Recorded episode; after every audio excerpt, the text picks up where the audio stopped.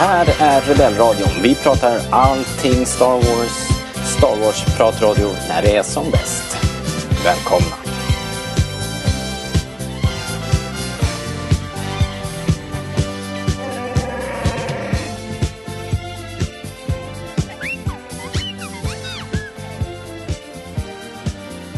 Du lyssnar på Rebellradion, svensk Star Wars-podcast i samarbete med Stars.se. Och jag som hälsar nya och gamla lyssnare välkomna heter Robert Lindberg. Um, även den här veckan har vi ju Linus Almqvist här. Hjärtligt välkommen! Tack, tack. Hur är läget?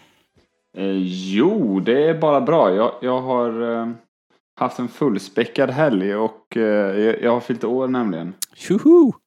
Ja, så Grattis. jag har... Eh, tack så jättemycket. Jag har... Eh, jag hade en liten fest hemma. Då hade jag en, eh, ett litet quiz om mig och då fick man då gissa vilken Star Wars-karaktär som var min favorit. Och det var Obi-Wan Kenobi. Oh, Ja. där har vi det gemensamt då. Är det så? Japp. Han, han har ju också mitt favoritcitat i eh, alla filmer och det är ju från Episod 3 när han säger eh, Not to worry, we're st- still flying half a ship. Eh, och det var en kompis som hade gjort en tavla på det citatet som, som jag fick också. Snyggt. Så nu har jag en alldeles egen eh, Obi-Wan-tavla hemma. Mäktigt. Det är ju inte fel. Jag har nog i och för sig sagt på sistone att jag, min favoritkaraktär är Greedo när jag tänker efter här nu. Men det, är, Det har du. men det, men det beror lite på så här, vilket humör man är på. Men du har sett den här bortklippta scenen under Phantom Menace med lilla Greedo va? Eh, ja, när de bråkar eller? Ja, när han slåss mot Anakin. Ja, just det. Det är en sån här scen där man fattar precis varför den är bortklippt. När man Ja. ja, det dök upp, det dök upp ytterligare en. Vi kan, vi kan prata med det om det lite senare kanske, i, i värsta Ja. fall höll på säga. Vi ska presentera en, vår man i Modesto, Kalifornien också. Alexander Johansson, välkommen. Tack, tack. Kul att vara med. Välkommen hem får man nästan säga. Vi har varit borta, inte hur många veckor. Ja, drygt tre veckor, men eh, det sjuka är att jag ska åka nästa vecka igen. Så att då ska jag till eh, östkusten, till New York-området. Ska jag. Va, eh, va, och, och kolla på ytterligare konserter. Du har ju varit, alltså, du har varit och turnerat med Kiss i princip. Jag vet, jag är sjuk i huvudet, men det är så jag fungerar. så att, eh, Men är det... jag, jag begär inte att någon ska förstå. Nej. Är det fler konserter på gång alltså? Ja, fler konserter. Mamma mia. Okej, i den här turnén, hur många, med, med de här nu på, vad blir det, östkusten, vad, vad kommer du sluta på? Hur många kommer du ha sett? Eh, totalt? ja, alltså se. under den här turnén. Alltså, Ja, 25 blir det något sånt. alltså det är ju det är ju fler konserter än vad de allra flesta ser under hela sitt liv. Jag vet. Totalt liksom. Alla Jag Det är häftigt. Men eh, mitt andra namn är ju All In, så att det, det är lite min stil då.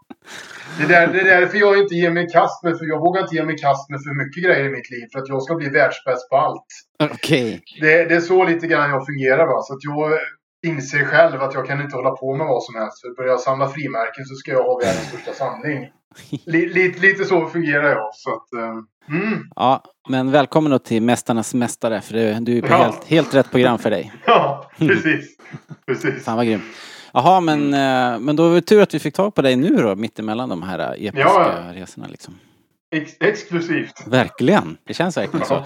Men du, du måste berätta också, du har ju varit på, som sagt då, liksom värsta turnén och då var det kanske mest västkusten och Kalifornien och då var ju Mm. du, då var ju du i Modesto. Mm, det är ju en liten dröm faktiskt. Eller sådär. Man har ju alltid hört talas om Modesto.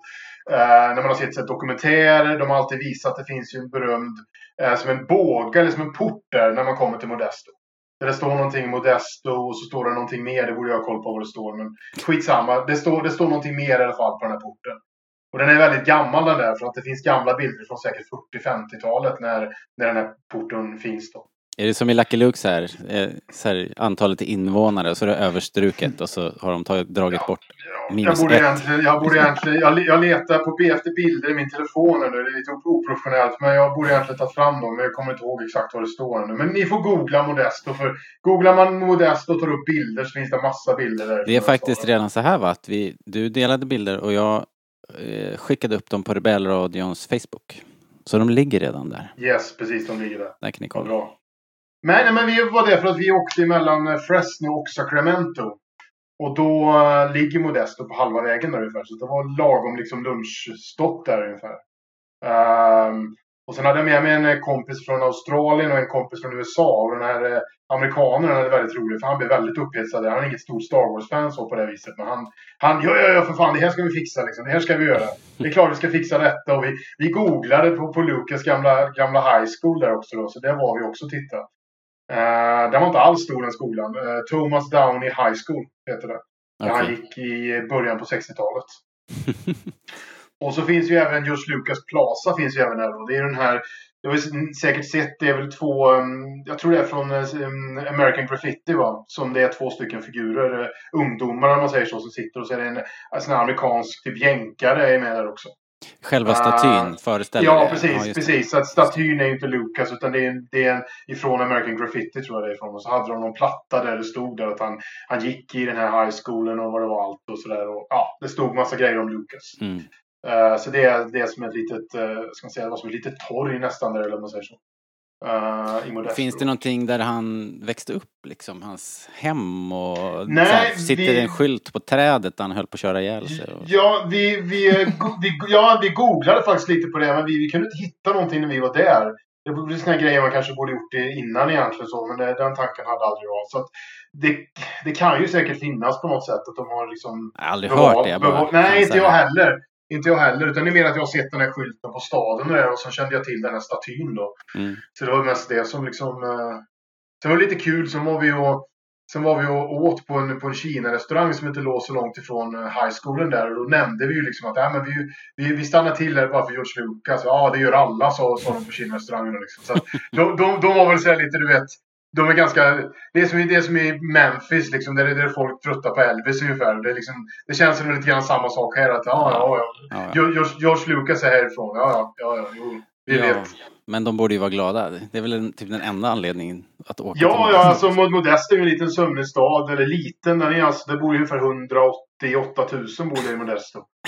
Men problemet är bara det att i de flesta amerikanska städer så är städerna extremt utspridda. Så att det finns liksom ingen riktig när man var där så kände man inte att staden var så stor. Utan det googlade jag efteråt sen och fick se shit, det bor nästan 200 000 personer i Modesto. Var, var, var var alla de? Ja, men det är bara men så här enorma villaområden. Ja, det är, det är antagligen så. Det fanns något större köpcenter i utkanten av staden och sådär. Så, det är väl liksom, de har inte riktigt den, den stadskärnan som vi har liksom i en stad i Sverige som är i den storleken. Nej. Utan allting är väldigt, väldigt utspritt så liksom. I en sån stad. Ja, ja. Ja, men vad men, trevligt ändå men, att ha varit där. Ja, det, det, var en, det var en skithäftig upplevelse. Sen var vi även i Los Angeles också och, och vid Men's Chinese Theater. Och det finns ju också de här, de här um, handavtrycken och de här grejerna finns ju. Just det, just det. På, uh, C-3PO och det, det, var det de gjorde i början på 78. Så gjorde de med de handavtrycken. Om det var sent 77, nu får jag väl massa folk på mig när jag säger det. Men jag kommer inte ihåg exakt när det var. Men, men, men det var vi att titta på också. Ja. Uh, och även uh, Mark Hamill har ju även en stjärna där på, på Boulevarden där. Ja just det, sen i fjol uh, bara. Ju... Ja jag tror det. Den, den såg väldigt nygjord ut. den såg väldigt ny ut. Så att, ja. så att, och sen så hade de faktiskt satt upp en skylt för, bland alla de här handavtrycken så hade de satt upp en skylt med Carrie Fisher. Det, för att hon han, han, han aldrig göra några handavtryck. Ja. Så att det stod bara Our beloved princess, typ så här, någonting, en bild på henne och sånt. Jättefint var det. Uh, jättefint gjort var det. Uh, så den satt där också. Ja men trevligt. Sen, trevligt, trevligt. sen, har, sen, sen har jag faktiskt en liten extra story bara när det gäller, när det gäller George, George Lucas, när vi ändå är inne på det. Ja. Um, en vän till mig som bor i Los Angeles, uh, som jag var hemma hos och, under besöket där. Han jobbar på en jättelyxig femstjärnig resort i, i um, Los Angeles. Och där har de ett välgörenhetsevent varje år och där brukar George Lucas vara med. Mm. Så han har träffat George Lucas flera gånger. Och då när vi var hemma hos honom så, så uh, sa han, men jag har en grej till dig här. Det är bättre att du tar den istället för att jag tar den. Jag har den för att det betyder inte så mycket för mig. Då fick jag eh, George, George Lucas bordsplacering, ett sånt placeringskort där det står George Lucas på. Som han, han hade tagit vid, något tillfälle då efter att allting var över så hade han tagit det, det placeringskortet. Ja, ja, ja. En sån där... Så det, så, så det bara en sån där som en, vi, som en sån visit, ja, vikt som står på bordet liksom. Ja, ja. Precis, precis. Och sen så hade de textat George Lucas på den. Typ. Okay. Bara, en liten, bara en liten anekdot så. ja, ja, perfekt. Den har ju hamnat rätt. helt klart. Ja, Till ja, samlingen. Ja, ja, ja. Så, är det. Ja, ja, nog om det. Någon, jag vet inte om Linus, om du har koll på det, men Alexander har ju en rätt, eh, rätt så fräck eh, Star Wars-samling. Alla möjliga grejer liksom. Inte bara leksaker utan det är allt möjligt. Eh, mycket autografer och fotografier och grejer. Ja, jag minns att han, eh, eller du pratade om det i någon annan podd som jag lyssnade på. Eh, Ja. Här att, du- att du hade varit eh, var autografjaget. Ja, men jag gillar ju att träffa folk som har varit med i de gamla filmerna då. Det är det jag Mm. bryr, bryr mig om mest. För att man måste begränsa sig lite. Det blir för mycket annars. Så att, Mm.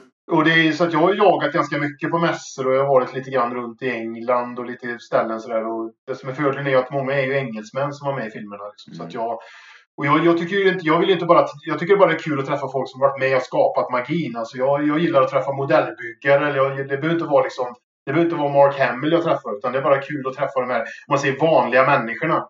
Mm. Som liksom råkade vara på rätt plats vid rätt tid.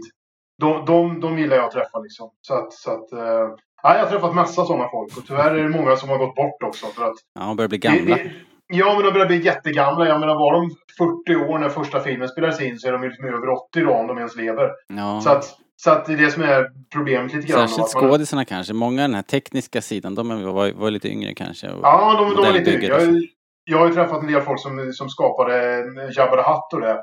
Och de var ju inte så, de var inte så gamla när de, när de höll på med det där. Så att, eh, faktiskt träffat tror jag nästan allihopa där. Det var någon kille som skötte ögonen och någon, du vet. Det var ju massa folk där. Och, och ehm, jag har till och med träffat han eh, dvärgen som satt inne i, i Jabba och skötte svansen. Det är ju han som, vad fan heter han? Han heter... eh, Ja, det borde vad jag, heter han nu då? eh, han heter um, någonting. Han heter ju... Det är ju han som är... ehm, Är det Deep Roy? Nej, han heter Inte något han. annat. Han heter ehm, Mike någonting va? Mike, fasen heter han. Det är han som är i alla fall eh, i Walken där. Log, vad heter han? Han med grishuvudet på. Logrey kanske? Precis, det är han som spelar honom. Ja. All right. Ma- de- Mike, Mike Edmonds heter han. Mike Mike Evans? Ed- Ja, ja, okej. Precis. Och när jag tog upp det här med honom, med det här med Jabba och det att han satt inne och, och, och skötte svansen så gapskrattade han typ så ja det är en jävla historia sa han. Så, så, så pratade vi om det här att, att ehm, när, när, när Leia ska strypa Jabba så kliver hon ju upp på Jabba. Ja. Och då, då drog hon ju klacken rakt i huvudet på, på Mike. för, att, för att de tänkte inte på att han satt där inne. Så Den han- historien han, har man ju faktiskt hört. Ja, och han, han skrek ju som en gris. Och han, han försökte väl att, att tona ner den storyn själv sådär. För att ah, den storyn har blivit större än vad den var sådär. Men sen fick de liksom förstärka det så hon hade någonting att kliva på då. Men jag, jag, tog, upp- jag tog upp det med honom och jag tyckte det var skitfestligt. Jag hade koll på det i alla fall. Så att det, var, Det är en... ja. Eh, det är liksom otacksamt att spela svans liksom. Ja, men lite, lite, lite, grann alla, så. alla sätt. Ja, ja. Ja. Ja. Men du, jättekul. Uh, vilken jäkla resa liksom. Det Ja, det, det, man blir nästan alltså det är nästan, man blir nästan psykologhjälp när man kommer hem från Ja. det, det, det, blir, det blir sådana det blir såna kontraster liksom. Ja. Menar, helt plötsligt så är man på kissturné och man gör massa roliga saker. Och sen, Ja. bara två dagar senare så står man och väntar på bussen till jobbet liksom. Ja, men precis. Jag, jag har ju aldrig gjort något, något liknande men jag kände väl lite likadant när jag kom hem från Ja, särskilt Celebration i USA så tyckte jag att det var... eh, Ja, det är en viss eh, post-celebration depression som smyger på. Helt klart. Ja, ja, ja, verkligen- ja, men det är vi, säger, vi säger likadant. Det är Ja. post-kiss tour, eh, eh, liksom, det, det blir så. Ja. Det, det är så det funkar. Ja, ja. För mycket kul på en gång. ja det är ja, därför vi inte ska ha julafton hela tiden. Precis. Skulle- Alright hörni. Ehm, vi, eh, vi, vi kör väl igång det här då helt enkelt. Kör igång den här podden. So you think you've seen the whole of the Star Wars legend on video? Well, think again.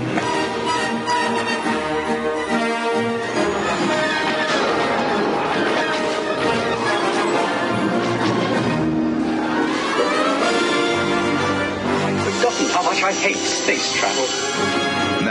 The first time, you can experience the complete saga in its original format. Widescreen. Star Wars, The Empire Strikes Back, and The Return of the Jedi. The complete saga in the complete format. The Widescreen Collection. Look out for the other titles available in the series. Eh, vi, har, vi har en hel del kul att prata om. Vi ska idag prata lite grann om ondska eh, och eh, vad, vad det är. Och Darth Vader till exempel då, vad, eh, varför vi gillar honom fast han är ond. Liksom. Eh, eh och eh, så har vi lite nyheter såklart, även om det är ganska tunt på den fronten. Um, och så ska vi se om vi kan få några spännande Episod 9-ledtrådar. Det har visats en liten sizzle reel för aktieägarna och det har liksom läckt ut lite grann om innehållet där. Vi tar det mot slutet sen. Så ni som inte vill veta kan hålla för öronen där. Eh, och så hinner vi med en omgång Vem vet what såklart. Eh, men först kör vi en eh, lyssnarfråga. Is the dark side stronger? But how am I to know the good side from the bad? But tell me why I can't. No, no, there is no why. Answer my question! Help you again? Yes? Mm. Ja, men det har kommit en lyssnarfråga, eller om det är mest en lyssnarfundering. Eh, det är en lyssnare vid namn Henrik i alla fall. Han har skrivit aningen långt, eh, men eh, ja, så här låter det i alla fall. Hej! Tack för en bra podd. Tack, tack. Tack själv, höll jag på att säga. Tack för att du lyssnar. Eh, jag vet att ni har pratat om Jedi vs Sith samt eh, deras olika historier etc. tidigare. Men jag har ändå en fråga om saken då det uppkommit en del ny info den senaste tiden som jag tycker är ganska intressant och lite svår att förstå. Det har alltid varit tydligt uttalat från George, eh, han har stavat fel här, det blir, eh, blir så spansk stavning. Eh, Jorge, eh, vad är det? Jorge, eh, Lucas. Jorge. Jorge Lucas att Sith och Jedi är motsatser och i grunden motsatta faktioner i deras förhållningssätt till kraften. Det här temat är genomgående i de första sex filmerna och grunden för Anakins uppgång, fall och förlåtelse samt Lukes uppgång eh, etc. och nu fall då i The Last Jedi. Man kan prata i hundra år om det här och det är grunden, är i grunden en av själva pelarna till vad själva Star Wars är. I love it, säger då Henrik. Men, fortsätter han, i de nya filmerna har de valt att bortse från denna konflikt av någon anledning som inte förklaras ordentligt. Det är givetvis okej okay, trots att jag personligen hade velat ha lite mer bakgrund kring det. Men nu, och nu drar han vidare här, nu annonseras det en trilogi av filmer eh, konfirmerat vad jag kan förstå av skaparna från Game of Thrones. Um, och här skriver han de ska enligt trovärdiga rykten och spekulationer uh, så är det konflikten mellan Jedi och Sith som ska stå i centrum för den trilogin. Uh, och det utforskar säkert vidare i den nya säsongen av Clone Wars samt böcker och serietidningar för fullt i nuläget. Så varför man väl, väljer man att bortse från sitt i den nya trilogin? Och då antar jag att han menar 7, 8 och 9. Varför lägga all den tid från 77 och framåt pengar och resurser på att bygga upp en fantastisk mystisk konflikt och sen bara släppa den utan förklaring dessutom. Uh, visst, vi vet ingenting om Episod 9 men ingenting, ingenting talar väl direkt för att JJ helt plötsligt slänger in en Sith som hjärnan bakom allt och en comeback av Palpatine skulle i min mening kännas oerhört billigt och förstöra innebörden av originalfilmerna, hela mytoset kring Anakin Vader, Luke etc. Snabbt skrivet på flykt. Okej, vi ursäktar väl det där stavfelet då. Eh, med vänlig hälsning, Henrik. Huh. Ja, det var långt och rejält, det var kul. Jag eh, blev nästan åksjuk när jag hörde det. Men Ja, ja berg inte, för, inte för att vara negativ, det är inte det det handlar om. Det var bara det var väldigt mycket på i ett... ett eh, Ja, det var det. så. Men det är ju kul. Det är kul eh, med folk som skriver. Det älskar vi. Absolut, absolut. Så, vad ska vi säga om det här? Och det är inte så här, det finns ju såklart inget definitivt svar på det här eftersom det, vi handlar, det handlar om spekulationer. Men vi kan ju spåna lite i alla fall och eh, tala om hur vi ser på saken. Ehm, Mm. jag har, eh, ja Linus, du, jag vet att du har, eh, har funderat lite på det här. Vill du, vill du börja lite lätt? Ja, ja, ja, jag kan, eh, jag kan dra igång det här. Det jag reagerade direkt på var väl det han sa här mot slutet. Eller skrev. Mm. Att de bara släpper det utan förklaring. Mm. Det tycker jag väl inte att de gör. De, om man så säger att de har släppt det så släpper de det väl för att alla Sith dör. Eh, Mm. Är det inte så enkelt? Det känns, känns väldigt logiskt. Eh, Jo. tänker jag. Jag tänker likadant och sen så är det väl inte helt släppt. Det pratas ju om, om eh, alltså så här ska jag säga, Till- till att börja med så pratas det inte så jättemycket om sitt i filmen överhuvudtaget. Nej. Eh, det nämns ju i prequel-trilogin kanske lite grann i knappt Lite alls va, i originaltrilogin. Nej, ordet Sith tror jag inte vi hörde förrän i, eh, i Episod 1. Nej. Faktiskt. Jag, jag tror det fanns med i, eh, i romanversionen av A New Hope. Ja, det låter Men, bekant i, ja. men inte i filmen. Eh, men också så tycker jag att Mas Kanata är inne på det i Force Awakens lite grann. Ja, precis. Tycker jag. Så det, I så det även... det Oj. kommer olika skepnader, men om de kallar sig Sith eller Ja. Imperiet eller First Order är inte så jävla noga. Ungefär. Nej, precis. Så det är väl liksom på något sätt underförstått att det är samma typ av konflikt. Och sådär. Men sen också så pratar ju Luke om den i... eh, När han sitter och berättar för, för Ray på Act 2 så pratar han så drar han ju hela historien med hur Jedi-orden har misslyckats och det var ju de som liksom bjöd in en Sith Lord och allt det här. Han drar hela den historien. Mm. Så, Mm, så, det det, så det mytoset lever ju fortfarande. ehm, tycker jag. Jag tror jag tolkar det som att Sith-orden eller Sith-riddarna, man säger så, att de är passé helt enkelt. Eh, I och med att de dog. Jag tycker att deras, deras koncept är ju ganska pissigt från första början. Det är ju dumt att misslyckas med att ha två stycken som vill döda varann, där båda vet att de vill döda varann. Eller? Ja, det, det är sant. Det känns ju som att det är upp, eh, upplagt för... eh, för Det har ju ett bäst före-datum liksom. Ja, lite grann. Men det kan ju hända att det där...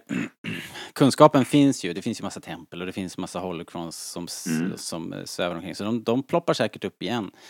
Ehm, och jag menar, eh, Kylo Ren är ju inne på det här. Han dyrkar ju Darth Vader. Så då blir det Mm. väl på något vis per definition att han försöker att studera Sith-mytologi. Men, eh, men det är inte så himla uttalat kanske. Så att, så att eh, jag... Jag köper väl inte riktigt det här. Jag tycker inte de har släppt det och att, eh, och att det är bortkastat riktigt. Det, det köper jag inte. Sen, sen att man inte gjorde Snoke till en Dark Lord of the Sith. Det, det kan man väl... Ja. Det känns som teknikaliteter, för han fyller ju samma funktion egentligen oavsett om man kallar sig för Knights of Ren eller Ja. Sith. Jo men Ehm, faktiskt. Känner jag. Men de, om man nu ska släppa liksom, tidslinjemässigt och tänka produktionsordningsmässigt på något sätt så har ju Disney verkligen utforskat det här med kraftanvändare som inte är Jedi eller Sith mycket mer än innan. Clone Wars doppar väl tårna i det lite grann. Ja, egentligen ganska mycket ju med Night med Sisters Ventress och, Ventress. Night Sisters och sådär. Visst. Men eh, det var väl framförallt tycker jag, i Rebels var ju det en väldigt stor eh, del med, men Bendu he- hette han va? Ja, det just kallades. Just det. Och vargarna var ju en hel grej också. Och även Maul igen då och Asoka som hade Mm. något sorts egen eh, grej liksom på gång. Mm. Så det känns som att de börjar luta lite mer åt det att, att det kanske inte är lika svart på vitt längre. Kanske. Nej, så är det ju också. Hela, hela sagan har ju förflyttat den där skalan från, från ganska eh, så här, hög kontrast svartvitt till Mm. he, en he, hel skala, hel grå skala liksom. Kylo Ren är väl eh, superexemplet på det egentligen. Mm. Han- är väl, skulle jag väl säga, han har ju absolut mycket av kraftegenskaper om man kan kalla det det. Men är ju inte någon Sith på det sättet. Utan han, han är ju mest in, inne för sin egen räkning får, får man väl känslan av. Eller? Uh, ja, jag tycker det. Jag har, inte, alltså jag har inte läst oerhört mycket av uh, eller ja, egentligen har jag ju läst en jävla massa böcker men det är ingenting som, det är inget som fastnar liksom. Så jag, jag är inte så skolad liksom. Jag kan inte det här vad som, när, när är man sitt och när man in, när man inte räknas man inte som det. Men jag antar att det, det måste till eh, en viss skolning för att liksom, bara för att man är Dark Force user så är man ju inte per automatik en Sith utan en Sith är ju en orden. Uh, hur man blir medlem av den när utformningen uh, är som den är med bara två, en mästare och en apprentice. Så det har jag ingen aning om. Men så tolkar jag det i alla fall. Att man Ja. måste bli medlem i klubben liksom. ja, Ja men, ja, men så måste det vara. Ja. men hur det Det är väl likadant med Jedi. Att Asoka är ingen Jedi när hon lämnar Jedi-orden. Även om hon har ett lasersvärd liksom. Mm, nej, precis. Precis, det, och det var ju... Det definierar ju hon ju själv. Så att då är det ju frågan om Mm. liksom det är likadant på andra sidan liksom att om, om Kylo nu fortsätter att utbilda sig här in the, in the ways of the Sith, om han då till slut bara säger att nu är jag en Sith, liksom mästare. Eh, Ja. Hur man uppnår nivån och hur man får sin sitt klubbkort liksom. Det vet jag inte. Bra fråga. Ja. Så känner jag, man gör väl lite inför, låt säga att Ray då skulle vilja bli en jedi. Mm. I och med att det inte finns några andra jedi så känns det som att definitionen är ganska lös. Hon kan ju uppfinna hjulet på nytt på något sätt. Ja, precis. Eh, och så Om man- blev, om man så blev det ju med Luke också. När Luke blev Ja. Jedi Knight så var, pratade han ju bara med spöken liksom. Så att eh, han, han har inte heller eh, gått i korridorerna i Jedi-templet direkt. Utan han fick ju en Nej. crash course på Dagobah liksom. Men också de de här inkvisitorerna i Rebels, de kallar man väl inte för Sith, även om de är Nej. som dark side users på det sättet. Nej men precis. Och har anknytning till Sith på något sätt. Ja, exakt. Ja, i allra högsta grad ju. De liksom, Ja, de är ju som hangarounds De- på något vis. ja det, det är i alla fall min tolkning, att man måste vara med i, Ja. i laget för att vara med i laget. Liksom. Ja.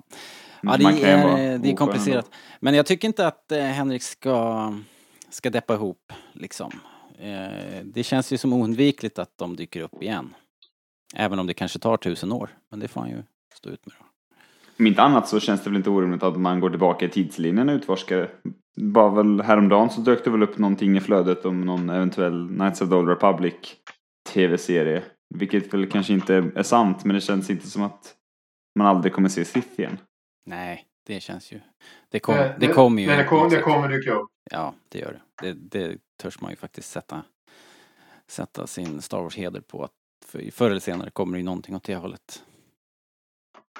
Ehm, Jaha, ja men jag hoppas du fick svar då, Henrik. Eh, I alla fall fick du ju höra lite grann vad vi, vad vi tycker och tänker om saken. Det är, definitivt går det ju inte att svara såklart, men... Men... eh, Ja. Men vad det- tror vi om den här trilogin då? Ja, den här gott, alltså Game of Thrones-trilogin. Ja, i, vem vet? Jag har inte hört några, de här trovärdiga ryktena och spekulationerna som Henrik pratar om, de, de har har jag inte hört utan eh, det är ju, det är ju precis vad det är. Det, det han skriver här är ju en motsägelse liksom. Trovärdiga Mm. rykten och spekulationer skulle jag vilja påstå eh, det, är, det är liksom inte riktigt som att vi kan dra några större växlar på. Men, men alltså, allt, Men om det är sant då? allt snack är liksom, alla vill ha det så att det, det, det är väl liksom, det måste ju vara lätt att tänka sig att, att gå åt det hållet liksom. Är det inte lätt att tänka så i och med att de har gjort Game of Thrones också? Är inte det lite liknande? Mm. Skulle de inte kunna säga att det finns vissa paralleller att dra där? Eh, ja, ciao, tjo, ciao. Och då, då måste vi ha något nytt att göra nu när Game of Thrones är över också. Så att, Ja. Jo, men så är det ju. Det är ju exakt det det blir. De, det här är ju deras nästa projekt. Eh, om, om de ska ta Game of, och liksom Game of Thronesifiera Star Wars, då blir det ju, det skulle säkert funka jättebra. Eh, men, för det blir ju en såpopera då. Eh, det är oerhört Mm. mycket folk och det är mycket intriger. Eh, Så det skulle visst kunna fungera. I mina öron låter det som lite för mycket Harry Potter på något sätt. mm. Ja, jag kan, jag, kan, jag kan köpa den tanken. Ja just det, Harry Men Potter det kanske blir samma... asbra, jag vet inte. Harry, Harry Potter har ju också det upplägget ju med en, en, en ljus och god sida en, en, liksom en, och en elak orden som, som försöker omkullkasta eh, Mm. samhället. Så det, det är ju verkligen inte långt ifrån.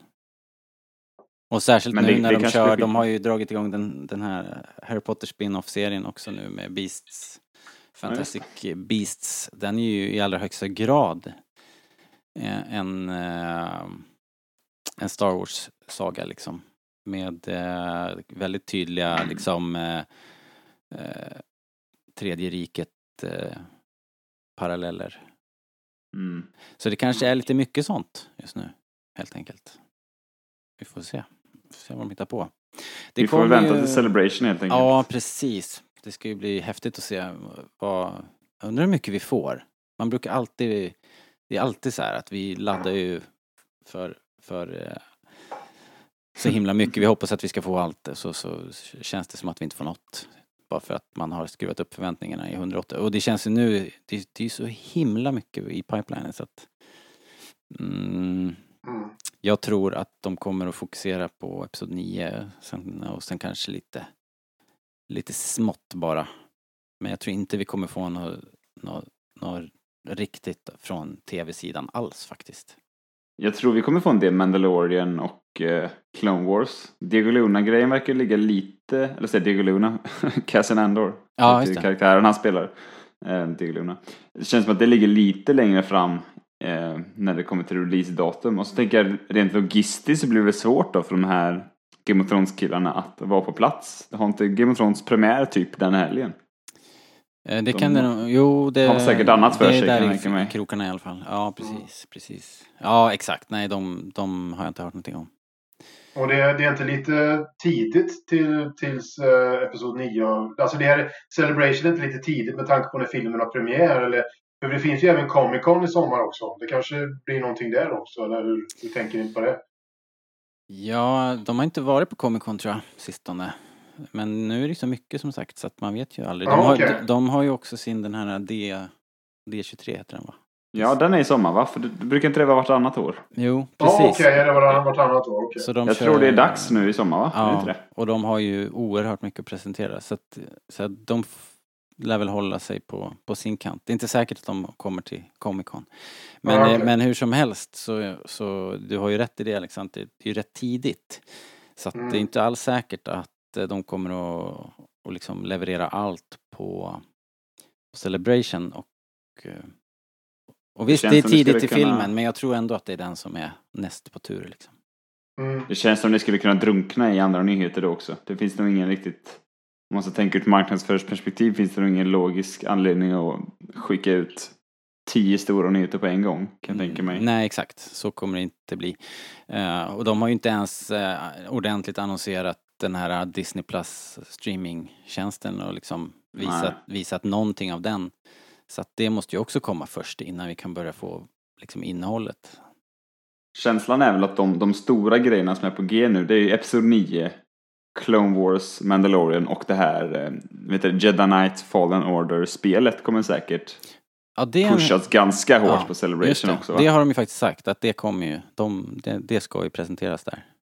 Så det känns inte som att det finns plats till då Game of Thrones-killarnas grejer. Det kanske kommer i nästa år eller något, jag vet inte. Det känns som att det ligger ganska långt fram i tiden fortfarande. Det Ja. finns inga release-datum ens liksom. Nej, nej det, jag tror också det. Jag tror det kommer att dröja. Faktiskt. Ja, all right hörni. Det om det. Vi, eh, vi rullar vidare. Vi tar lite nyheter då på det här.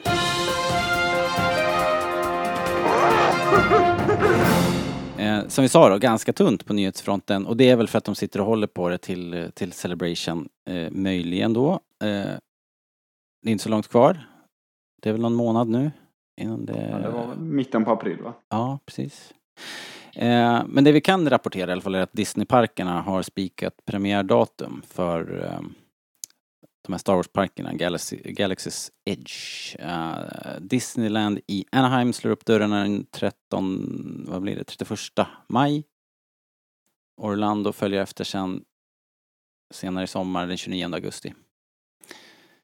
Ehm, och eh, de ska ju hålla en panel på Celebration och sådär. Så där, det, det kommer vi säkert få se massa kul grejer. och- Mm, jag såg faktiskt några reklamskyltar om det när jag var i Los Angeles. Ah, coolt. Men det var, men det var sådär när man åkte på motorvägen så man hann inte ta...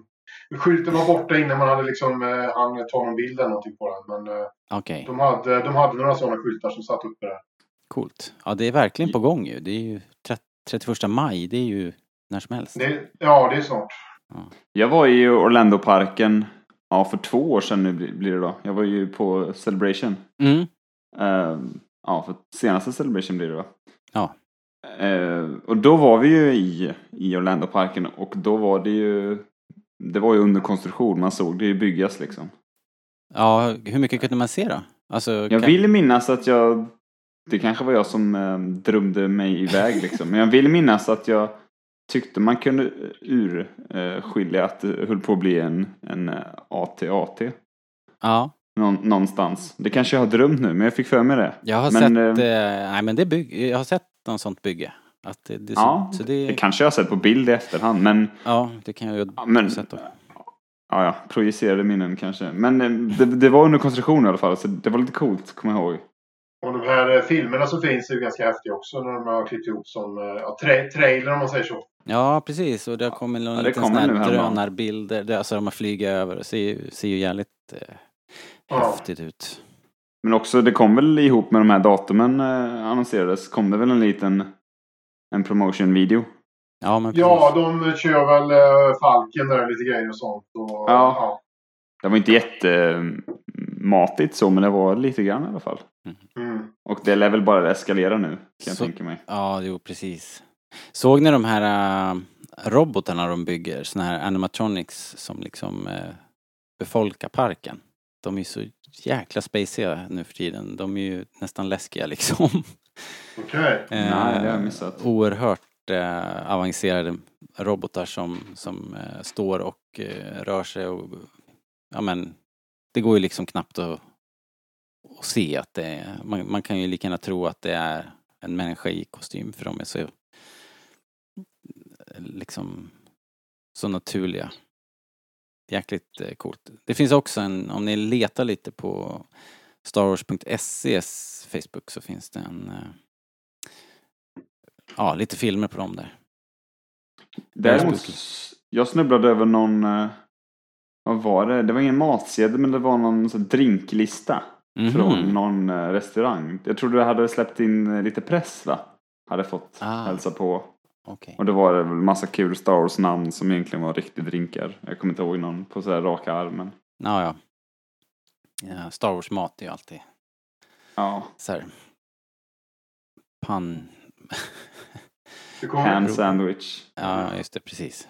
Jag fick en sån kokbok nu i födelsedagspresent. ja. Star Wars, Star Wars Cookbook, ja. Ja. Ja, ja men det är bra. Um, all right. ja det var det på vad vi hade på nyhetsfronten faktiskt. Det kom ju såklart massa gäster eh, till Celebration så den listan är lång. Ingen riktigt tunga namn kanske än men, men det brukar ju komma sent så att eh, eh, vi kan nog räkna med att eh, Mark Hamill och, och gänget från eh, Episod 9 dyker säkert upp. Eh, Jag hade, hade till på en sak i alla fall. På gästlistan var- eller? Ja, att Ahmed Best skulle komma. Ja, precis. Som spelar eh, JJ Binks. JJ Binks. ja, eh, precis. Och eh, vad heter hon? Kellerman? Er, heter hon Erin? Erin som spelar uh, Enfys Nest. Ja, precis. Mm, ja, men det såg jag.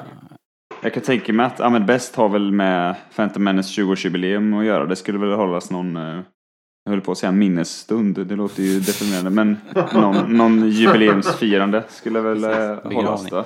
Ja, exakt. Ehm, jag tog fram listan här. Ahmed Best, Alan Tudyk kommer, uh, Just. K2SO, uh, Ashley Eckstein förstås, Billy D. Williams. Okej. Det måste väl vara i, eh, i med Episod 9. Ja, precis. Och så Kellerman då, Freddie Prince, Freddie Prince Jr. Ja. Ian McDermott kommer, Jason Isaacs kommer. Sutamo kommer, Paul Bettany kommer. Peter Mayhew. Han hade ju sagt att han inte skulle resa på sånt här längre men Celebration är speciellt förstås. Det är rätt Mm. stort. Ray Var, Park. bor han? Bor han i USA?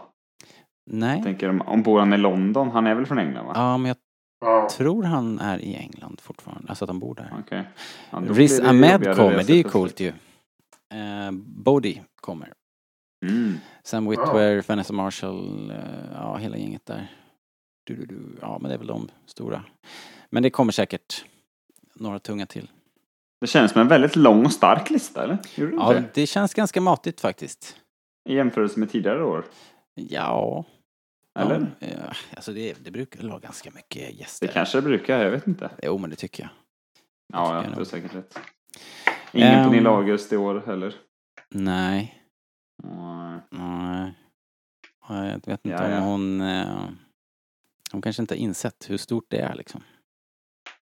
Nej. Helt enkelt. Det ska Såg, bli... du, såg ni det Ryan Johnson twittrade om eh, Pernilla August? För ett Nej. tag sedan. Var det det här Han- att det var någon Med Fanny som... Alexander. Ja, just det. Ja, jag såg Han det. insåg att det var samma skådespelerska. Han verkar ha fått en... Ja. Ja, det var kul. Hon springer väl omkring naken i Fanny Alexander. Så det måste varit chock chockerande för eh, amerikanerna liksom. Jaha hörni. Ja men vi skiter i nyheterna. De, det, det var det vi hade. Vi går vidare.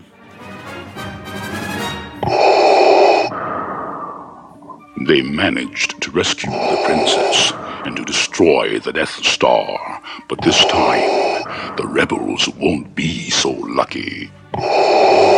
See it as the Empire strikes back. The Empire Strikes Back comes to a theater near you on May the 21st, 1980.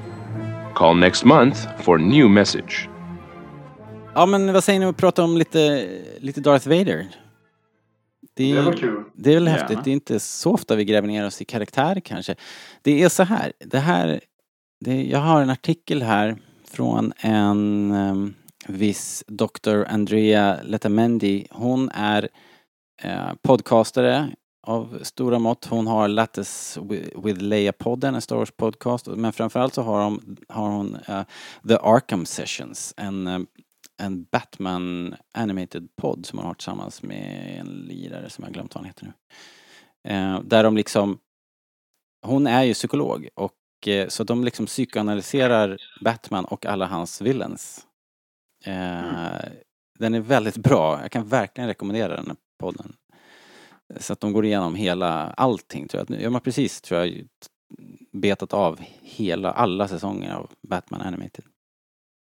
Från 90 Den gamla med Hamill. Eh, ja, exakt. Jaha. Ja, så väl eh, värd en lyssning om ni vill höra hur hon låter när hon är på jobbet liksom. Eh, Men i alla fall den här artikeln som jag har, den fick jag av henne eh, vid något tillfälle. Det var någon gång runt eh, The Force Awakens. Så den har legat här i en låda länge och väl.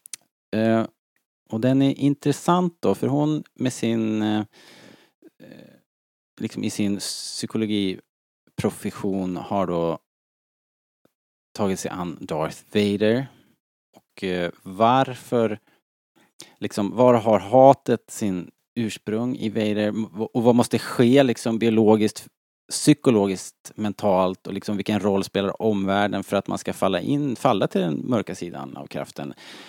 Är de här figurerna liksom onda personer med skadat psyke eller är de liksom offer för omständigheter i en liksom oförlåtande värld? Och, och om vi då älskar Darth Vader, är vi då också skadat gods liksom? Eller kan man älska Darth Vader? Ja, men vi är väl skadat gods hur det än blir så är vi skadat gods. Är det inte så? Jo, men, men eh, jo, det är vi ju på, på många sätt. Men just i det här sammanhanget, just när man pratar om en, en sån eh, ärkeskurk och en, en, en verkligt då, som, som, som vi alltid har sett på honom, en, en ond varelse nästan.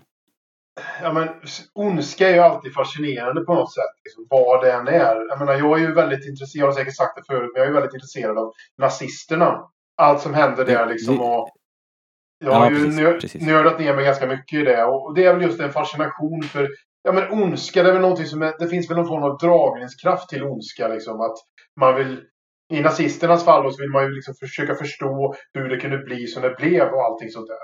Ja, men det är att- exakt den vinkeln här. Du ska höra. Det, det, är, Ja. det har med det att göra. Vi ska se här. Hon skriver så här då. Ja, alltså Letamendi menar att Vader, han är liksom mer känslodriven. Han är inte en sån här kalkylerande mustasch twirling villain som en typisk Bondskurk. Man ser honom liksom inte förnedra och skryta och han framstår inte som den här Bondskurken som står och så här megalomaniac som förklarar hela sin ondskefulla plan medan han liksom skrattande torterar hjälten utan han är ju mera det är mer tragedi bakom Vader. Hela prequel-trilogin i Vaders och Clone Wars tv-serien är också väldigt mycket en studie i liksom Anakin Skywalker. Uh, Så frågan är om det är nyckeln till varför vi gillar Vader. Den här tragedin, eller om det är något ytligare då. Dr. Letamendi menar att kopplingen mellan Luke och Vader, den är liksom viktig men på flera sätt, inte bara liksom familjebanden utan om Luke står som ett lysande exempel för oss, eh, liksom vad vi kan åstadkomma om vi uppnår våran eh, potential, ett moraliskt rättesnöre liksom, så är Vader det andra exemplet som varnar för vad som kan hända om vi liksom förlorar oss i egoism och självförverkligande drömmar och arv och andras förväntningar på oss. Så egen och yttre press. Men så är hon tydlig med att poängtera att inget mått av sådana här svårigheter och personligt lidande kan berättiga våld. Men det finns psykologiska studier som visar att om en person är instängd och trängd, om liksom ingen räddning är i sikte, då kan vårt psyke bli överväldigat och överbelastat och så den här moraliska kompassen vi har sätts ur spel och så blir man avtrubbad, känslorna slutar funka och några exempel på det här som hon drar då, det är de förhållandena som var, om ni kommer ihåg, Abu Ghraib-fängelset i Irak. Mm. Och så finns det ett klassiskt sånt här experiment som heter The Stanford Prison Experiment där studenter eh, delades upp i interner och fångvaktare. Där liksom extrem avhumanisering och så liksom oroväckande snabb utveckling ledde till ganska brutalt och ja, rent av ondska i en del fall. Så att hon menar då att Vaders situation i Imperiet skulle kunna sägas vara en liknande situation. Särskilt om Vader då liksom offrat så mycket på det personliga planet så att allting som återstår för honom är att klamra sig fast vid kraften, liksom, den mörka sidan av kraften. Eh, Och sen blir det lite mer komplicerat här, ni får hänga med.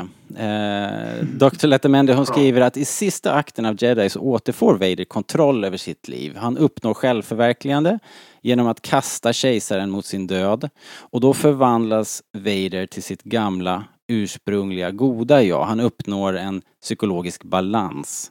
Han har kastat bort de här förenklade dogmerna. Han har reformerat sig själv till ett stadie av, som hon skriver, self-organized wisdom. Alltså, han kan erkänna personlighetsdrag hos sig själv som mod. Att han hade modet att stå upp mot kejsaren. Han kan känna ansvar, som att han tar ansvar för sina synder. Och hopp, en tro på att den goda sidan av kraften kommer att vinna. Så, med den här analysen i bagaget då, är det skruvat av oss som fans att tänka att Vader liksom inte är så himla ond? Är han en god onding? Liksom? Well, eh, Letamendi hon menar att att gå över till den mörka sidan, det har liksom blivit en popkulturell metafor som för det är liksom den delen av oss själva, alla oss, vi har en potential till destruktivt beteende mot oss själva och mot andra. Så vårt förhållande med Vader gör liksom frågan om ondska lite mer komplicerad. Eh, det tar liksom bortom det här svartvita, att vi kan inte bara separera handlingen från personen, alltså Vader gjorde hemska saker. Men det gjorde inte honom till en ond person per se, utan vi kan också förstå att ett omoraliskt destruktivt handlande drivet separat från socialt tryck och miljö, alltså ondska är därför enligt henne en enligt Lita Mendes utläggning här, en, effektiv, en, en effekt av destruktiva handlingar och inte av personen bakom masken. Det är liksom kärnan i det här. Då. Och så hon avslutar då med den här insikten att Darth Vader är den som vi lättast kan identifiera oss med i Star Wars. Ingen annan karaktär erbjuder oss en sån autentisk, nyfiken inblick i oss själva och våra inre misslyckanden. Insikten av att det finns något skevt i var och en av oss, att vi har möjlighet att känna oss fientliga och ondskefulla. Vi gör dumma, dumma saker, ofta mot oss själva varje dag. Och på sätt och vis så är vi alla ensamma instängda i våran eh, life support suit. Men vi är också ständigt i färd med att vara toleranta och förstående och förhoppningsvis då i tillräcklig mån för att det ska balansera och väga över till den godas fördel. Men det handlar om vårt eget sökande efter balans. Det är vårt öde, skriver hon. Supermastigt, men det här är ju jäkligt intressant och Alexander, du, ju, du var inne på det direkt. Alltså, vad är det som gör att till synes vanliga människor halkar dit och, och blir de här monstren helt plötsligt? Ja, det, de är... De, de, vad ska man säga? De dras med i hela masspsykosen. Eller vad ska man säga? Jag vet inte hur man ska säga det på rätt sätt. Men de, de blir liksom en, en, del av allting. Mm. Um, så var det om vi ska återgå till nazisterna. Så, så var det ju så liksom. Jag menar, mm, det var ju kanske inte alla gånger att, att nazisterna var alla nazister var onda människor men de var en del av den här stora liksom grejen. Mm. Och det faller ju in i det här experimenten som hon pratar om, Abu Ghraib och de här studenterna som, som eh, utförde hemska handlingar mot andra studenter som de kände. Men, ja. men de hade blivit uppdelade ja. i två lag. Och, ja. och eh, undan för undan så förskjuts gränserna liksom. Men det är ju intressant att tänka på Vader som en sån person. Att man... När vi såg honom 77 eller så, eller när man började se på Star Wars, så då var det ganska svartvitt. Um, vad känner ni? Är det, är det här någonting som, som ni gillar att tolka in i ert Star Wars och eran Vader? Alltså, det är väl... eh, Det här är väl vad egentligen vad prequel-trilogin vill, vill hävda, är det inte det? Mm, jo, enligt Dr. Andrea Lettemendi. Ja, jo. Okej, okay, men då, då är det väl så jag har Frågan tolkat den också det då kanske. det. Ja. Ehm, eller jag, jag ty- tycker att jag, jag håller med att det är ju... eh, ja, var ska jag börja höll jag på att säga. Men det är ju mycket... Om man då ska jämföra med Kejsaren då, som också är en skurk till exempel. Det här hon Mm. mm. minner på att han är mer känslodriven. Framförallt då i Return of the Jedi så får man ju en känsla av att Kejsaren njuter av att vara ond på Mm. ett sätt som Vader inte gör. Ehm, och även då sen med Episod 1, 2, 3 i bagaget så ser man ju egentligen eh, varför. Dels då är det ju kejsarens manipulation där han då är en monumental eh, alltså den, hela hans superplan är ju Anakin en, en väldigt stor pusselbit av Ja. utan att han egentligen vet det. Eh, och det då ihop med hela den här profetian och hans enorma liksom, färdighet med kraften och all den tyngd det blir på honom och, och press. Och sen då eh, alla de här hjärtskäranden de hjärtskärande ögonblicken vi får med honom i episod 1 och 2 framförallt då. Alla förlusterna tar, liksom, ja. tar farväl av sin mamma och sen begrav, begraver sin mamma. Så då... Det hade ju kunnat göra vem som helst galen lite känns det som. Ja. Ja, exakt. Jo. Så det kanske inte är så långt ifrån, alltså det kan ju tänkas att George faktiskt hade det här i, i åtanke. Ja, jag antar det. Faktiskt. Sen var det ju en väldigt lätt karaktär att ta till sig också när man var liten tycker jag. Alltså, alltså jag älskar ju Vader när jag var liten. Liksom, för att det var, det var en sån, återigen så är ondska fascinerande på något vis. Liksom, och det, det, det, det, är så, det är så alltså det som vi sa också, det var så svart på vitt. Ja.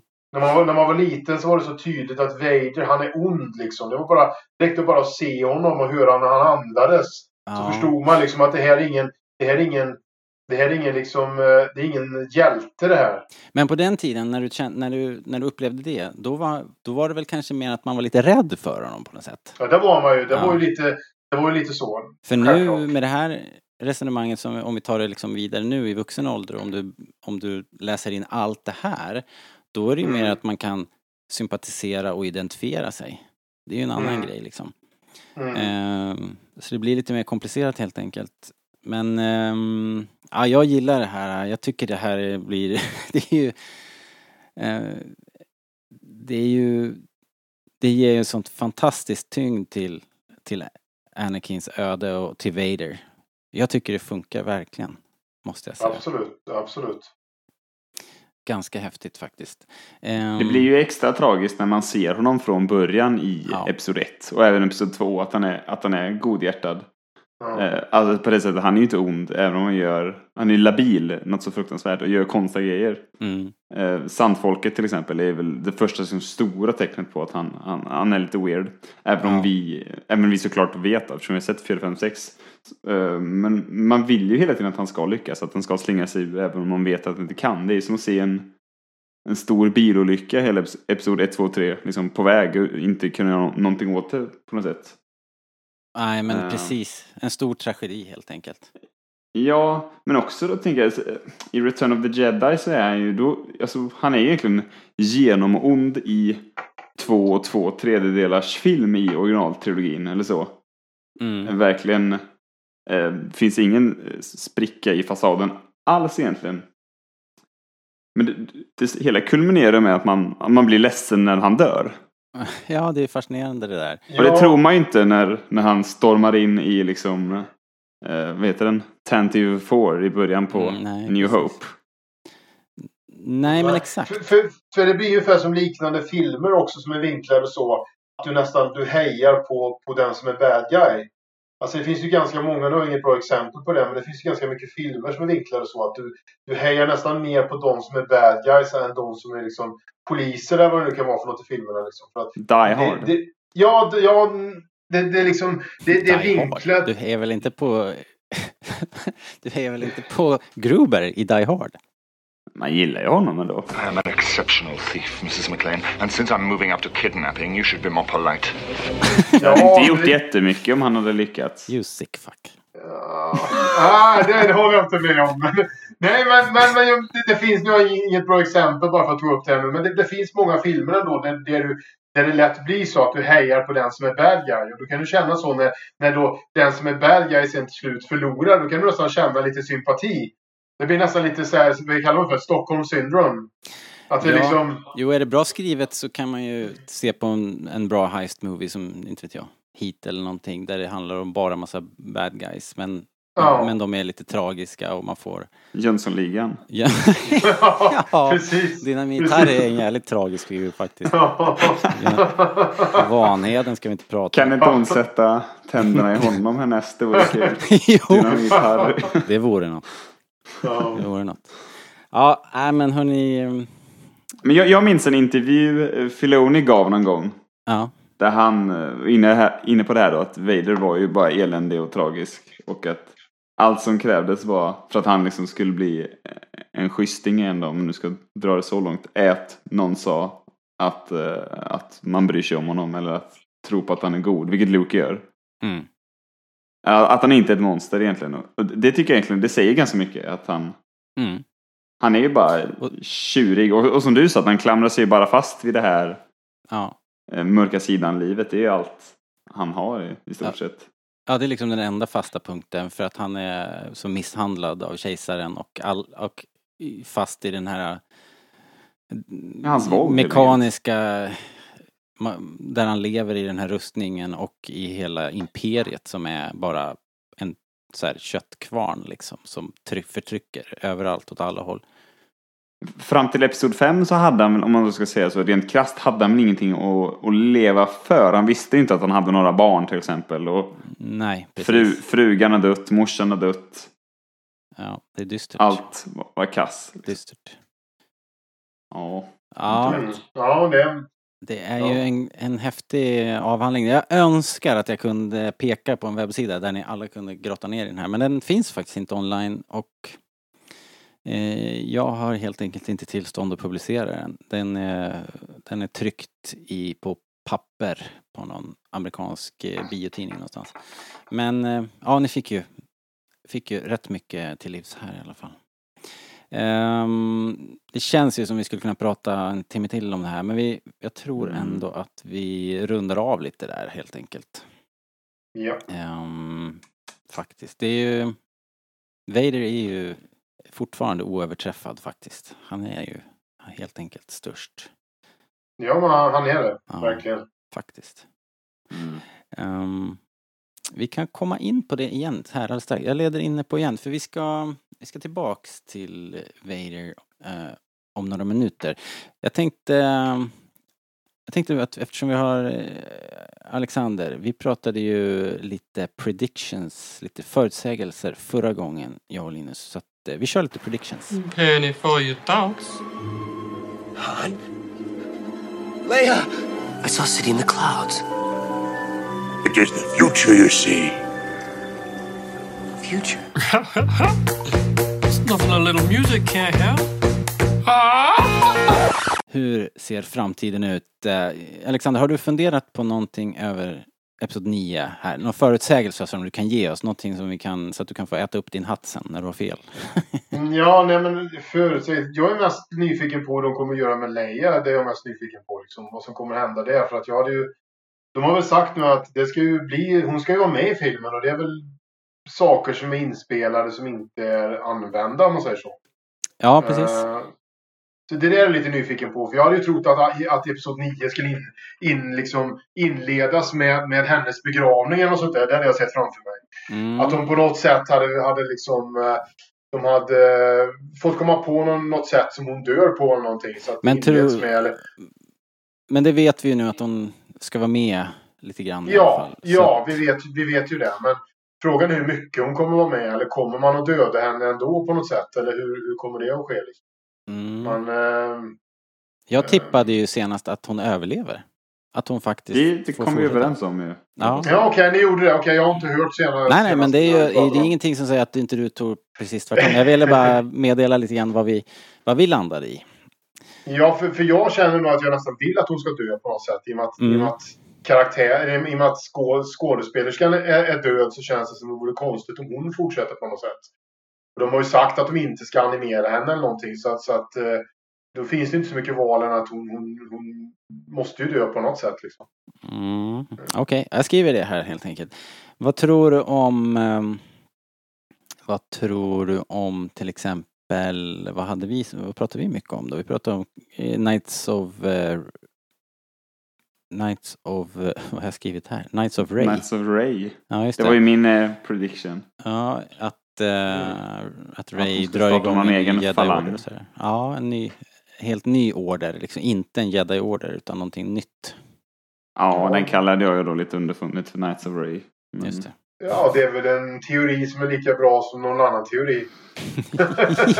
Ja, ungefär så. Jaha, men, men eh, har du någon, eh, någon sån där, någon känsla att det här, det här kommer att hända? Eller det här vill jag se? Eh, jag vill egentligen bara att de knyter ihop säcken på ett bra sätt. Mm. Eh, det var ju väldigt mycket gnäll om senaste filmen liksom. Och man får ju liksom tycka vad man vill om, om den och så vidare. Och så dålig tycker jag väl inte att den var som alla säger, eller så många säger att den, att den var och så vidare. Det kan man ju... Ja, det är ingen här som säger det. Nej, men det har varit väldigt mycket snack Ja, om jo, allting. vet. Du vet, du, du vet, man blir nästan trött på det. Men, men, men jag, menar, jag, jag tycker väl ändå att de på något sätt att de knyter ihop säcken på ett bra vis och att de... Eh, att man... Jag menar att man kanske får lite förklaringar ändå på saker och ting. Och nu har vi ändå Mm. den här lilla grabben i slutet på filmen här senast då som på något sätt hade kraften då. Eller när han, när han tog den här sopkvasten och det här och liksom och... Ja. Vad, vad, vad hände med Temiri det? Blag. Ja, Okej, just det. Det finns till och med ett namn där. Vad hette han? Eh, Temiri Blag tror jag han heter. Mm. Okej, ja det ser man. Ja. Ja. Eh, det var mer än vad jag hade koll på. Eh, men, men, nej, men det, det, det känns som att det, det, man behöver liksom få lite sådana såna svar och lite grejer. Och, och vad liksom, vad kom... Ja, jag vet inte riktigt. All right, all right. Ja. Vi behöver inte grotta ner oss. Men det här är ju något som du får fortsätta fundera på, så återkommer vi. Vi kommer ju Ja, herregud. följa det här nu hela vägen fram. Oh, ja. Hela vägen fram. Och vi får ju lite, lite info här ska vi dra. Det har ju visats ett, en sizzle reel för, för några få utvalda. Men, men Linus, hade du någonting som du vill eh, tillägga eller ändra här eller? Jag har ju en sak jag vill lägga till faktiskt. Yes, Mark Hamill har ju varit igång igen. just det. Han eh, mumlar väl något om på någon intervju att det var, det var synd att det blev som det blev med att de inte fick se Leia, Luke och Han tillbaka. Mm. Och sen Mm, så instagrammade han ju någon bild på, det var väl till och med från hans stjärna på Walk of Fame-grejen. Harrison det. Ford höll något tal. Där de, de, de kramades och så skrev han väl att eh, eh, What uh, Han Luke reunion might have been like eller något sånt där. Mm. Eh, och så här säger man inte mitt under en produktion av en film om man inte jävlas. Så jag tror att Harrison Ford är tillbaka i någon flashback i Episod 9. Hmm. Hmm. Mm, det ser man. Ja. Intressant. Okej. Men är det inte märkligt att kasta skit på storyn sådär mitt under produktionen? Att han pratade bittert om att, att det blev som det blev. Eh, jo. Det, Det, det låter konstigt för det, mig. det är konstigt. Och, och det konstiga är att han liksom i, i ena sekunden säger han att jag säger ingenting mer för jag blir bara missförstådd och sen så kläcker han ur sig det här i nästa Ja. mening. Så man vet ju till slut inte vad man ska tro. Eh, men han menar väl inget ont antagligen utan han bara dagdrömmer på något sätt. Eh, Eller? Eh, Eller? ja, ja, vem fan vet. Eh, Det är intressant i alla fall. Det var som Fredrik sa idag när jag pratade med honom att det är ju, det är ju intressant att han att han är så missnöjd med att Luke eh, porträtterades som en bitter gammal gubbe när han själv har blivit det. ja, det var ju också, det var också intressant. eh, ungefär så. Jag lägger ord i munnen på Fredrik här men det var, det var ungefär så tror jag. Han, Men är han besviken på det? För jag minns ju också att han pratade om att han, han var ju initialt tyckte han att det var ett märkligt val när han fick manuset och sådär. Men han pratade väl också sen om att eh, när han väl såg Ja, ja. filmen så, så köpte han det rakt av. Ja, han behövde bara vänja sig vid tanken och eh, sen så eh, var han ju Det- superproffsig det med- och levererade liksom. Men, eh, men han har väl sagt fortfarande att han inte riktigt är, är tillfreds liksom.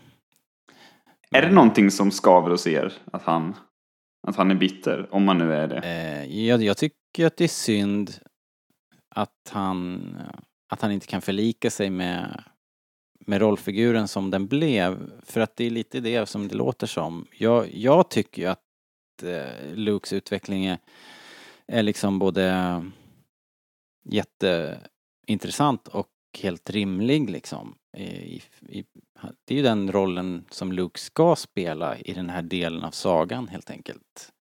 Sen hade man ju bara önskat, det här vet jag att, att vi har pratat om Alexander, att man hade ju velat se Luke in his prime också. Ja, men han skulle, det skulle varit lite mer action liksom. Han skulle verkligen varit en, en grym jedi om man skulle få se scener där han verkligen... Ja, men där han, där han verkligen är liksom... Som, som, i de, som i de gamla filmerna om man säger så. Ja, liksom när han var på topp, när han var Ja. sitt bästa jedi jag. Men det, det är ju liksom 20 år för sent för, för Mark att spela den rollen liksom. Ja, det är Utan så. då får det väl det bli en tv-serie här med någon ny. Kan man inte också hävda att det han faktiskt gör i Episod 8, alltså hela den här grejen på Crate i slutet, är inte det den ultimata Jedi-grejen? Jo, men att, inte det. sl- att inte slåss överhuvudtaget, att ingen kommer till skada, men ändå Mm. lyckas rädda flera hundra personer, eller hur många de nu var. Han räddar ju Ja. hela rebellalliansen liksom. Ja, så på något sätt kan man säga att det är ju någon sorts Jedi Prime-grej. Det är ju tusen gånger bättre än vad alla Jedi lyckas med ihop i prequel-trilogin liksom. Jo, men precis. Det är sant. Om man nu, om man nu så då ska köpa Jedi-orden som egentligen då de här pacifisterna, eh, freds, eh, liksom, mm, ja, förhandlarna då som de Mm. ofta kallades. Enligt hans, enligt hans egen nya lära då så är, sköter han det ju perfekt. Ja, och det är väl också det, det, det pratar man väl om mycket i Clone Wars att Jedi-orden, det, det är ingen, det är ingen, inga krigare liksom. Mm. Nej, verkligen. Eller hur? Ja, exakt. Och det är därför det går åt skogen. För att deras organisation är inte en, en sån krigarorganisation. Den är väl designad för att misslyckas då, om man säger så, av, av George Lucas. Att det här är ju skit liksom. Det är, väl, det, är inte det poängen med hela grejen? Tror jag. Jo, men precis. Det är ju liksom en del av planen. Att de ska bli korrupta och, och förstörda av kriget. Eh, Vilket också eh, Luke, alltså in universe, pratar om då i, i Episod 8. Han har ju ändå, han har ju dratt liksom lärdom av, av tidigare eh, skeenden liksom i, i universumet. Han pratar ju om både Sidious och Vader och allt möjligt. Ja, ja men exakt. Ja, vi var inne på det här förut i läsarfrågan att det där, hela den storyn drar han ju där. Eh, Hur, hur Ja. misslyckandet var. Ja, ja, okej. Ehm, nu ska vi se. Jag skrev det att ehm, Ford dyker upp igen. Ja. Det är väl Coolt. en intressant grej. Eh, Jag hörde någon annan som spekulerade att, eh, var det vi som pratade om det? Att Leia kanske dyker upp som ett Force Ghost. Att det, är liksom, det kanske var Daniel som satt och spekulerade om det förresten. Jag tror det dök upp i vår diskussion också om inte annat. Mm, ja. Det, det är väl inte, känns väl inte som en omöjlighet heller. Nej, och det skulle väl kunna vara en eh, liksom rätt... Skulle kunna funka rent tekniskt också att man får köra henne som ett, som ett hologram eller spöke med lite blur på så här. Kan man komma undan med lite med lite blandade kvalitet på klippen och inte vet jag. Mm. Ja, ja. Ja, ja. Ehm, jag tror inte jag har så mycket nya predictions att komma med i nuläget faktiskt. Så att eh, vi, vi har skrivit ner det här och uh, ja, bordlägger det så länge helt enkelt. Du har inte fått några kontroversiella mejl om mina åsikter kring droiderna? Nej, faktiskt inte. Nej, vad skönt. Det, är, det kanske är så att eh, det finns en eh, tyst majoritet helt enkelt där ute som bara De Som bara nickar och de håller med. De, vågar- ja, de vågar inte säga någonting. Det, det är ungefär som att sitta med, med Vader runt bordet. Att det liksom... Ja, exakt. De vet att jag bara, jag exploderar. Ja. Nej, eh, jag tror inte. Nej, det var, det var kanske, kanske inte var så kontroversiellt som du tror helt enkelt. Nej, vad skönt. Ja, ja, ja vi får se. Uh, ska vi ta de här ryktena också? Vi gör det. Eh, det var så här, det kom, de kör ju såna här shareholders, vad heter det, aktieägarmöten, eh, det är väl varje kvartal eller något sånt där. Bob Iger då som är VD eh, höll lite låda och sen så visade de klipp, de visade en sizzle reel. Eh, episod 9 sizzle reel och eh, det är väl en del av det som folk kommer att få se på Celebration kanske då. Så att det är klart, ett visst mått av spoilervarning här. Men eh, om jag ska gradera det så är det milda spoilers. Gör som ni vill, eh, helt enkelt. Eh, det tar väl en tio minuter kanske för oss att eh, babbla igenom det här. Ehm, det var så här då att då var det någon lirare som var där på plats. Han, eh, han eh, drog iväg en massa tweets i efterhand och berättade vad, vad han hade fått se för någonting. Så vi, om vi ska lita på den här killen då. Så såg det ut så här. Han skriver att det börjar med en övergiven hangar. En blockade runner. Uh, blockade runner in a starship hangar. En explosion. Stormtroopers som flyger omkring. Ett stort ljust rum. Kan vara insidan av en blockade runner eller någonting liknande. Uh, sen får vi se någonting som ser ut som Darth Vaders meditation chamber. Kylo Ren tittar ner på en låda och så öppnar han den och där ligger Vaders kramiga mask. Kylo har ingen mask, ingen hjälm. Han ser ungefär ut som tidigare. Sen får vi se Millennium Falcon. I cockpit hittar vi Ray, Finn och Poe. Eh, en fjärde karaktär som inte kunde identifieras. En eh, snabb bild av Billy D. Williams, eh, Lando, blixtrar förbi, då första gången i Star Wars sen 83 om vi inte räknar med de tecknade eh, framträdandena och sen har vi Han är med i Solo också eh, ja just det.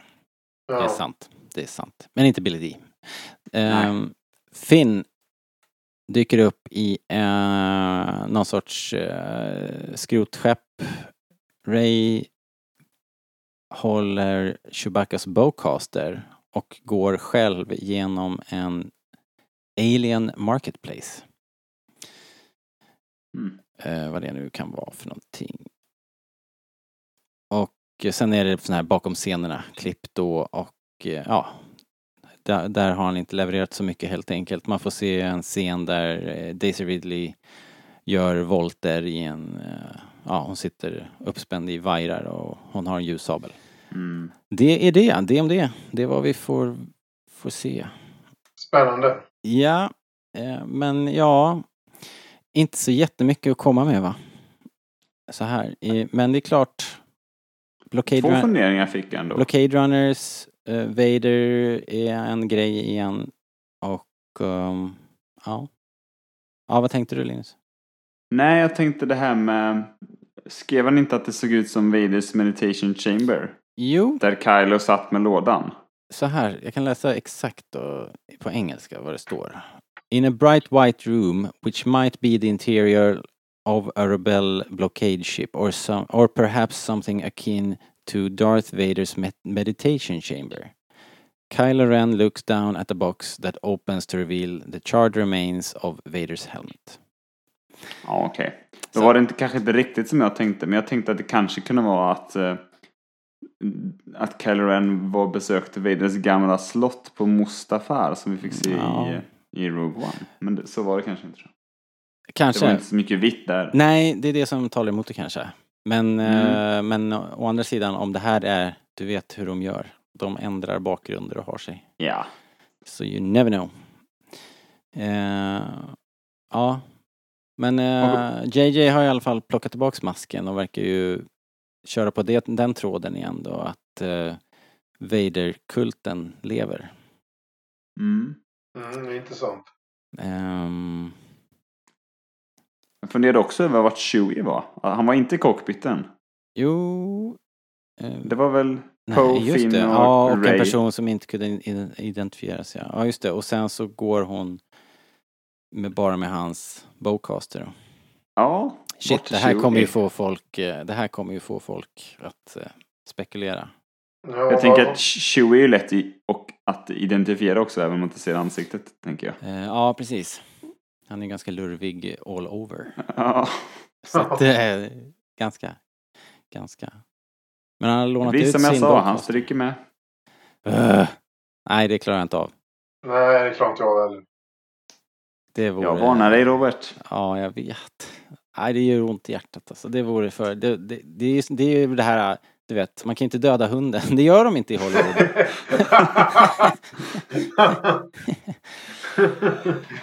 ah, det vore för, det vore för du, jobbigt. du, du ser, du ser Chewie som en hund alltså. ja, men, Han kryper på alla fyra i Episod 9. eh, ja, men det är ju i någon eh, scen i Star Wars 77 som, som Hans Solo verkligen skäller på Chewie som om att han vore en hund. Liksom. Chewie, come here! det, är, det är osmakligt faktiskt. Ja, ja. Men hörni, ja, vi har redan pratat i, i en timme och en kvart eller någonting. Men ni slipper inte undan i alla fall. Det blir Vem vet what? Nej. Håll Äntligen. i hatten! Nu kör vi! Hej, hej! Välkomna till Vem vet... Nej, skrek Alexander. Det hjälper inte. Det enda som, No! det, det, det enda som händer då, det är att man får börja. Så är det. Okej, nu har ni fått varsitt kort här. Och då, jag, vet, jag kommer inte ihåg Alexander om du har kört den här varianten. Vi har gått över till en eh, Trivial Pursuit-variant. Där ni får... Nej, ehm, jag har nog inte kört den förut. Vi kör de här frågorna då.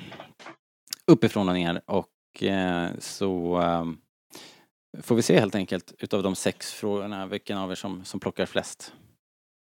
Skulle det vara så eh, att ni har sex poäng var, eller det står lika helt enkelt. När frågorna är slut på de här korten, då kör vi utslagsfrågor och då är det så här varannan helt enkelt tills någon missar. Eh, men det är det inte nu, utan ni, ni kommer att få svara på sex frågor och så får vi se hur många ni har klarat. Jaha. Då ska vi se. Eh, ja, Alexander. Ja.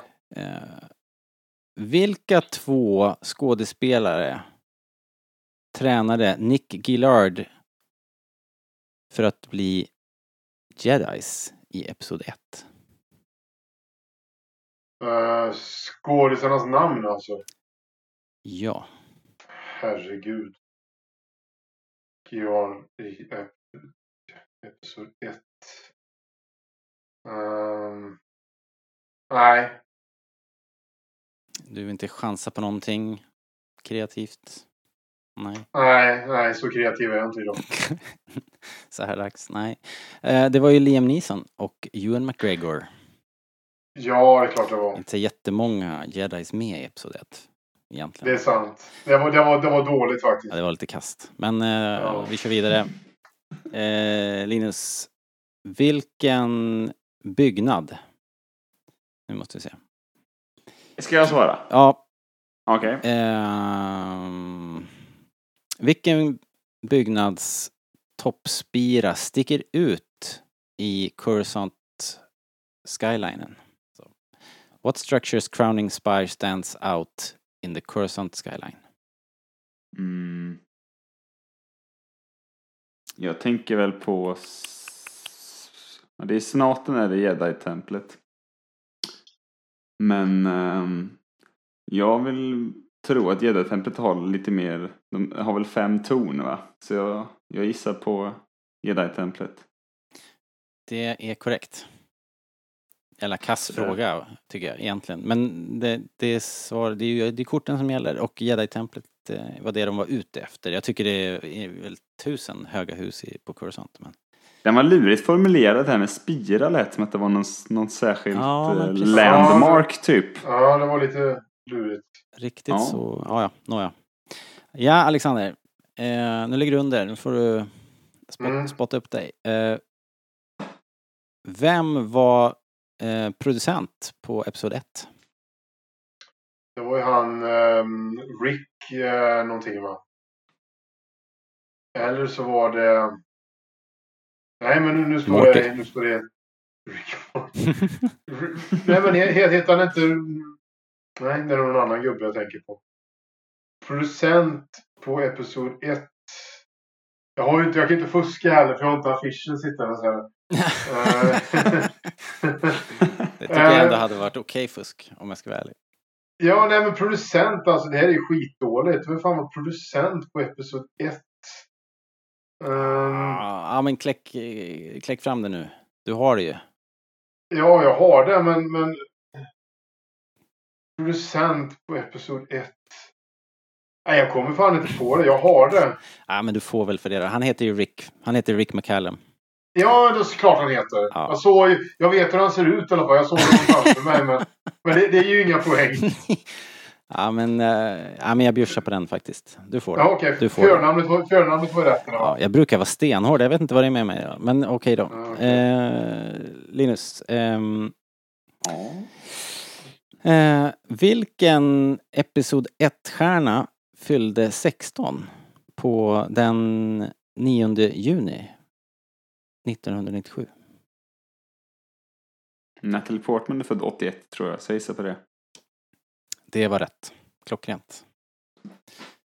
Alexander. Mm.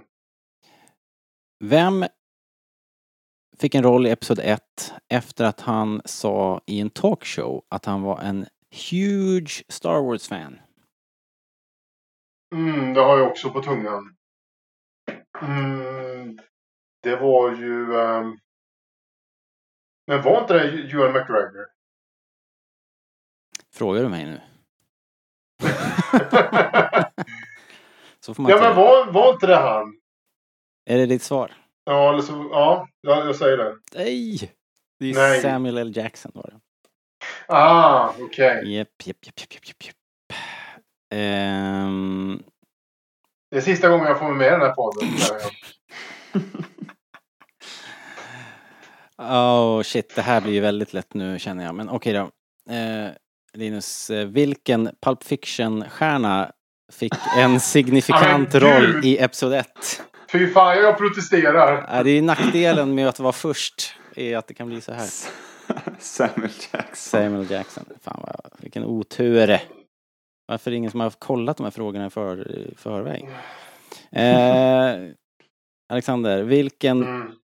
vilken brittisk skådis porträtterar kanslern för det galaktiska senaten i Episod 1? Den, den är tuff. Ja, jag vet ju vem Vet det är naturligtvis, men, men vad heter han? Ah, undrar om jag hade lyckats verka fram det alltså. Det- Nej, jag, jag, jag, jag, jag, jag vet ju hur han ser ut, men jag, vad han heter, det, det har jag noll koll på. Ah. Linus, kan du det här? Terrence Stamp, tror jag. Korrekt. Herregud. Ja, det, det är inte en chans att hade kunnat det. Men det är väl han som spelar General Zod i gamla Superman, va? Det var Japp. det han breakade Ja, lite. ja, Just japp. det, det stämmer. Korrekt. Det stämmer. Fi- Finis Valorum heter han, tror jag. Karaktären. Han har gjort massor med film. Han har gjort en Ja. eh, så här, värsta hämndrullen som heter The Limey som är bra. Oj, det måste vi kolla upp. Vilken Episod 1-roll var tills, kunde till slut rollbesättas efter att casting director Robin Gurland hade träffat 3000 skådisar? Det är min tur. Det är din tur. Eh, oj, 3000 skådisar. Jag vill minnas att jag har hört någon sån historia om att Liam Neeson tackade jag direkt innan han ens läste manuset. Så det kändes inte som att det var några 3000 skådisar där. Um, så jag, och när teleportman var känd så jag tänker att det är Alltså Jake Lloyd, att de då letar efter en, en unge jävligt länge.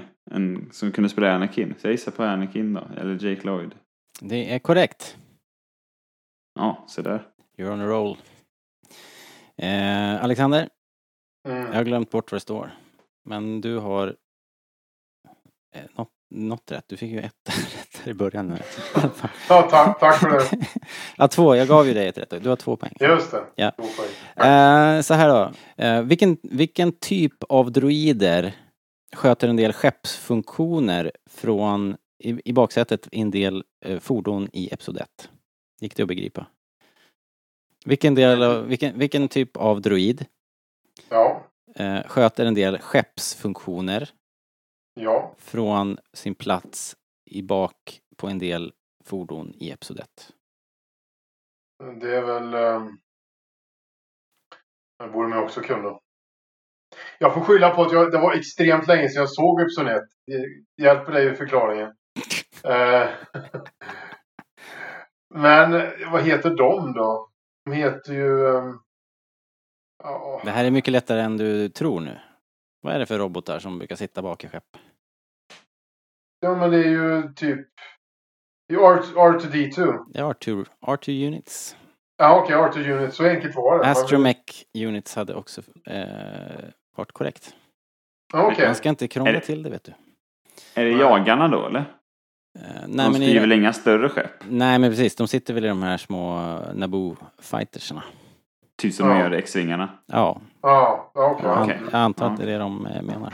Jag tänkte genast på större skepp. Jag tänkte Ja, det var, små. det var svårt att veta vad det var för skepp man tänkte på. Men... Ja, Mm, mm, mm. men det är ju väldigt uppenbart nu. Ja, nu, nu är det jätteuppenbart. För mig som sitter Ja. med svaret så var det, var det glasklart. Eh, då ska vi se. Eh, Linus, då är det din femte fråga här och du har väl, nu ska vi se, har du, har du, du har Jag har fan spikat rent, alltså. va? Det var, nej, jo, du jag har ju gissat rätt hela tiden din rackare. Så att du... Eh, ja, här kommer i alla fall femte frågan. Eh, Vem spelade i filmer som Trainspotting och Shallow Grave innan han fick en roll i Episod 1? Ewan McGregor.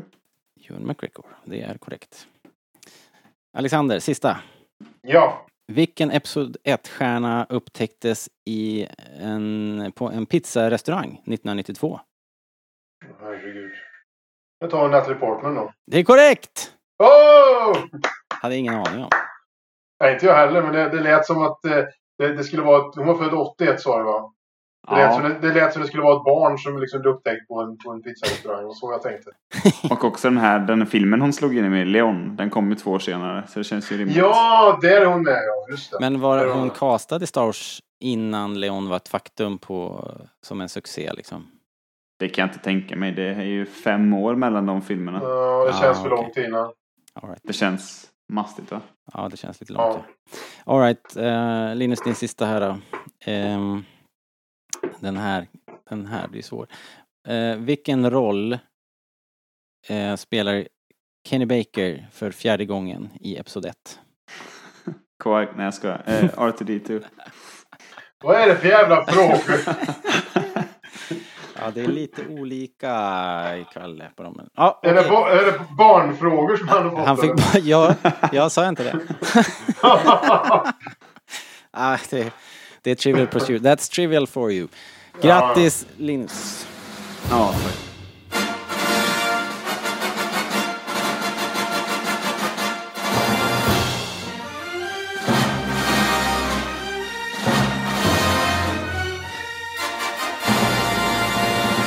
Du tog hem det idag. Eh, Grattis. Tack, Grattis. tack. Jag Hörni, är ni- obesegrad här än så länge i den här podden. Ja, vi får skaka fram bättre motstånd, eller hur Alexander? Tack för den snytingen. ah, nej, men det är bra kämpat. En del är ju omöjliga och sen så kommer det sån här... eh, Linus fick ju för fan gratis eh, poäng. Vem är. Lukes pappa? Ja. Typ. Ja. ja. Eh, men det är svårt om man bara har sett en film liksom. Så att, eh, så. kan det vara. Ja, jo. Det är sant. Eh, eh, hörni, vi är klara för idag. Tack snälla för att ni kom och pratade Star Wars med mig. Tack, Tack. själv. Tack själv. Eh, jag ska också tacka er som lyssnar och passa på att påminna er om att om ni använder iTunes så gå in där och ge oss femstjärniga betyg. Gör det nu, inte sen. Man kan göra det direkt från appen. Gamla poddar hittar du på rebellradion.se. Eh, och glöm inte att skriva till oss då. Fler sådana här läsarfrågor som vi kan götta ner oss i. Eh, tackar vi för. Och sen så finns vi ju på alla sociala medier, men främst kanske facebook.com eh, slash rebellradion och starwars.se. Så, bra. Då säger jag hej då till er. Ha det bra. Hej då.